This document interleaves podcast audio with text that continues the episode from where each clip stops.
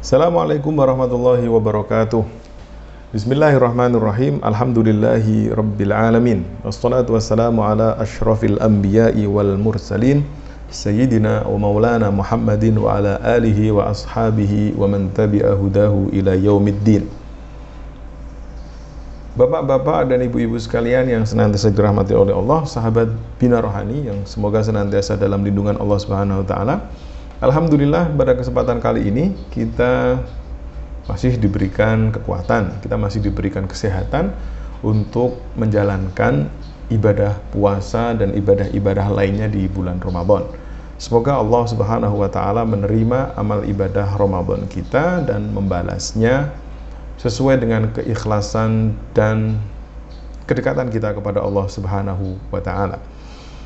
Teman-teman sekalian yang senantiasa dirahmati oleh Allah, pada kesempatan kali ini kita akan membaca sebuah hadis yang diriwayatkan oleh Abu Umamah radhiyallahu anhu. Beliau meriwayatkan sebuah hadis yang berbunyi Iqra'ul Qur'ana fa innahu ya'ti yaumal qiyamati syafi'an li ashabihi.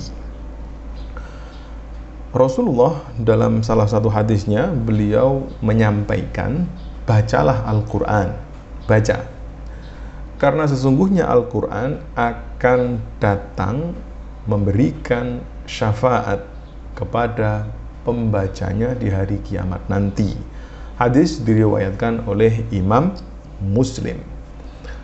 Hadis ini merupakan bukti, merupakan sebuah dalil terkait keutamaan membaca Al-Quran juga menjadi dalil bagi kita semua bahwa pahala membaca Al-Quran sangat besar sekali. Bayangkan, di hari kiamat nanti, Al-Quran akan datang dan memberikan syafaat kepada orang yang gemar membacanya.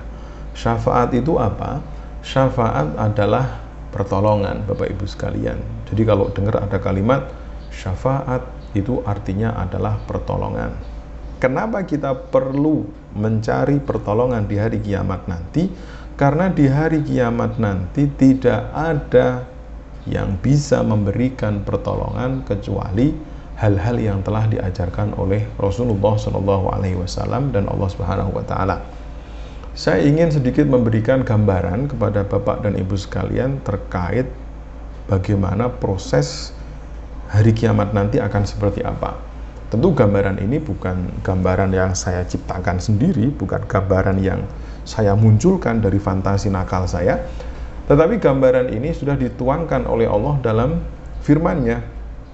Hari kiamat itu digambarkan oleh Allah Subhanahu wa taala, "Yauma yafirrul mar'u min akhihi wa ummihi wa abihi wa sahibatihi wa banihi." Likulli mri'in yawma idin sya'nu yughni. Ini kata Allah.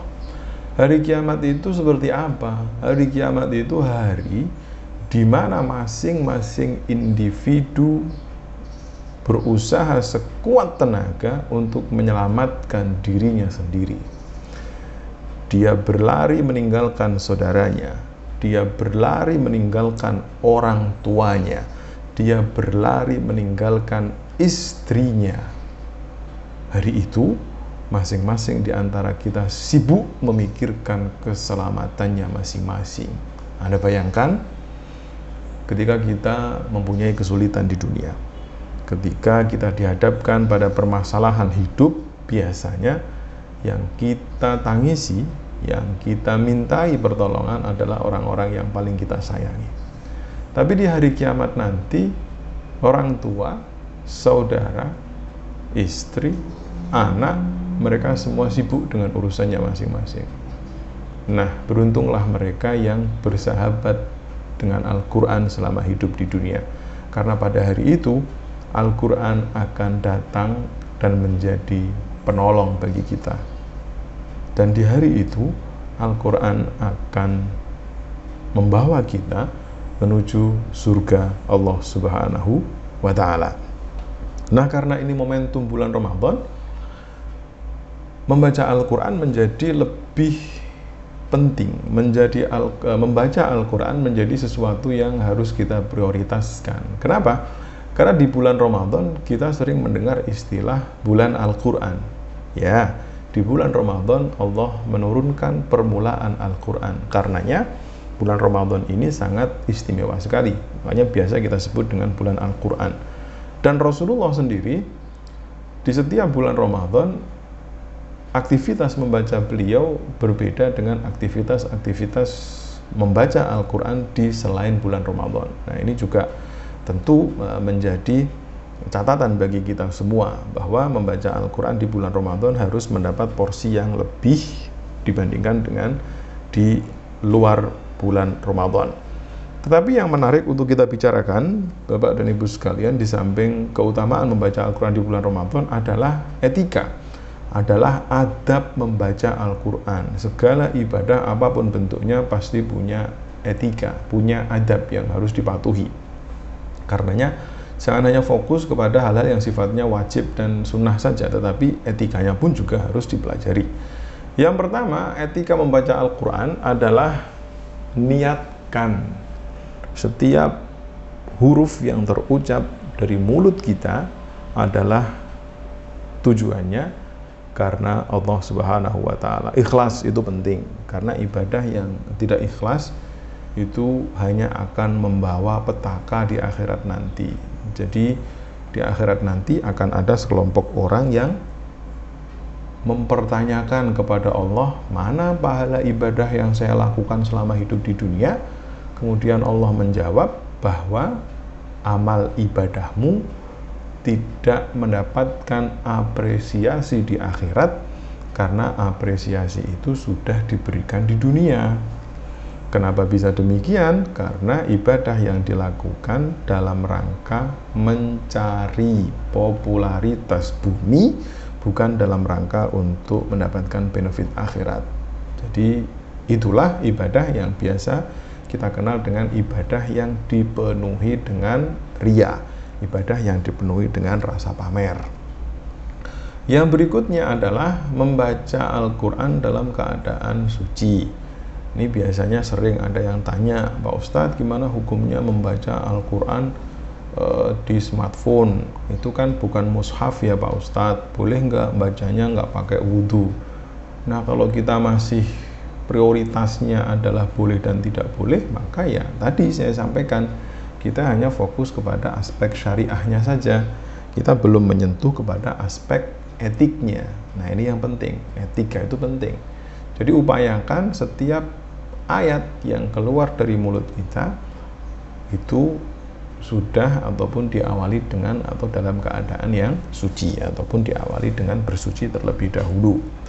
Ada juga salah satu etika yang mungkin saya tidak mengatakan mungkin ya, bisa jadi mungkin hampir yakin saya banyak di antara kita yang belum menjalankannya.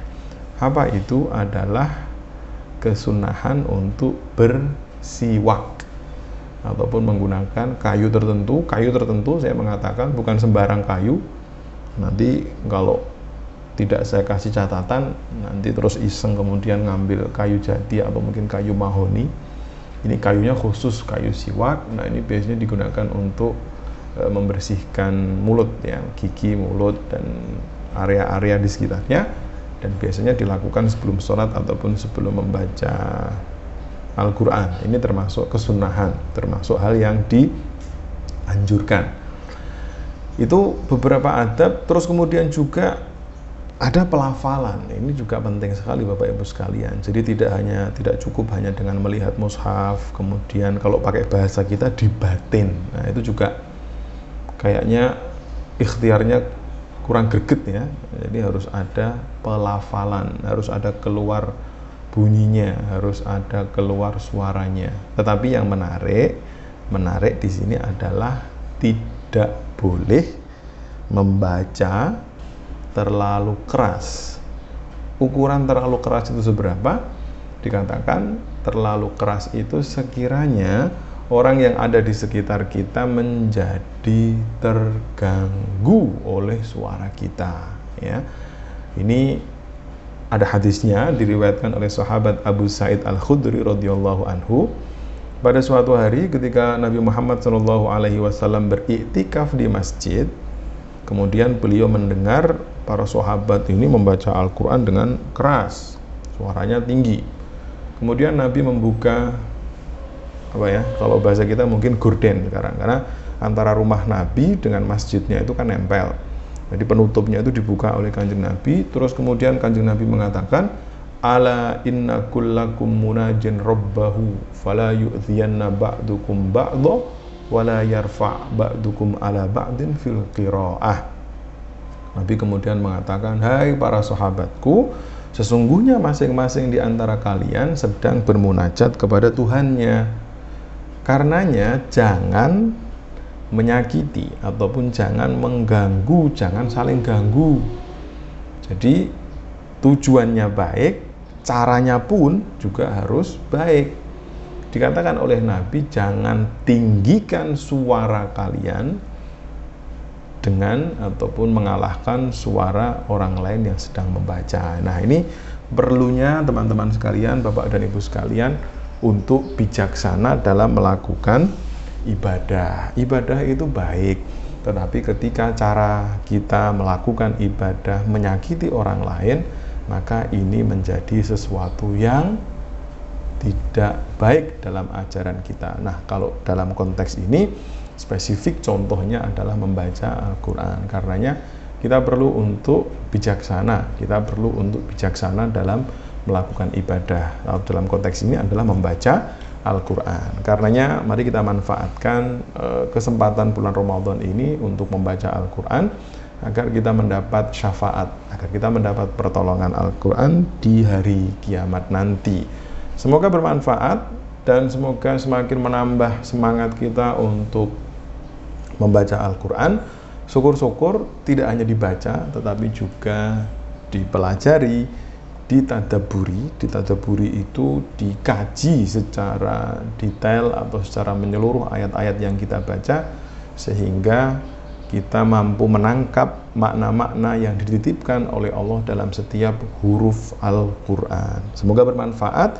Sampai ketemu di kajian berikutnya. Wal minkum. Wassalamualaikum warahmatullahi wabarakatuh.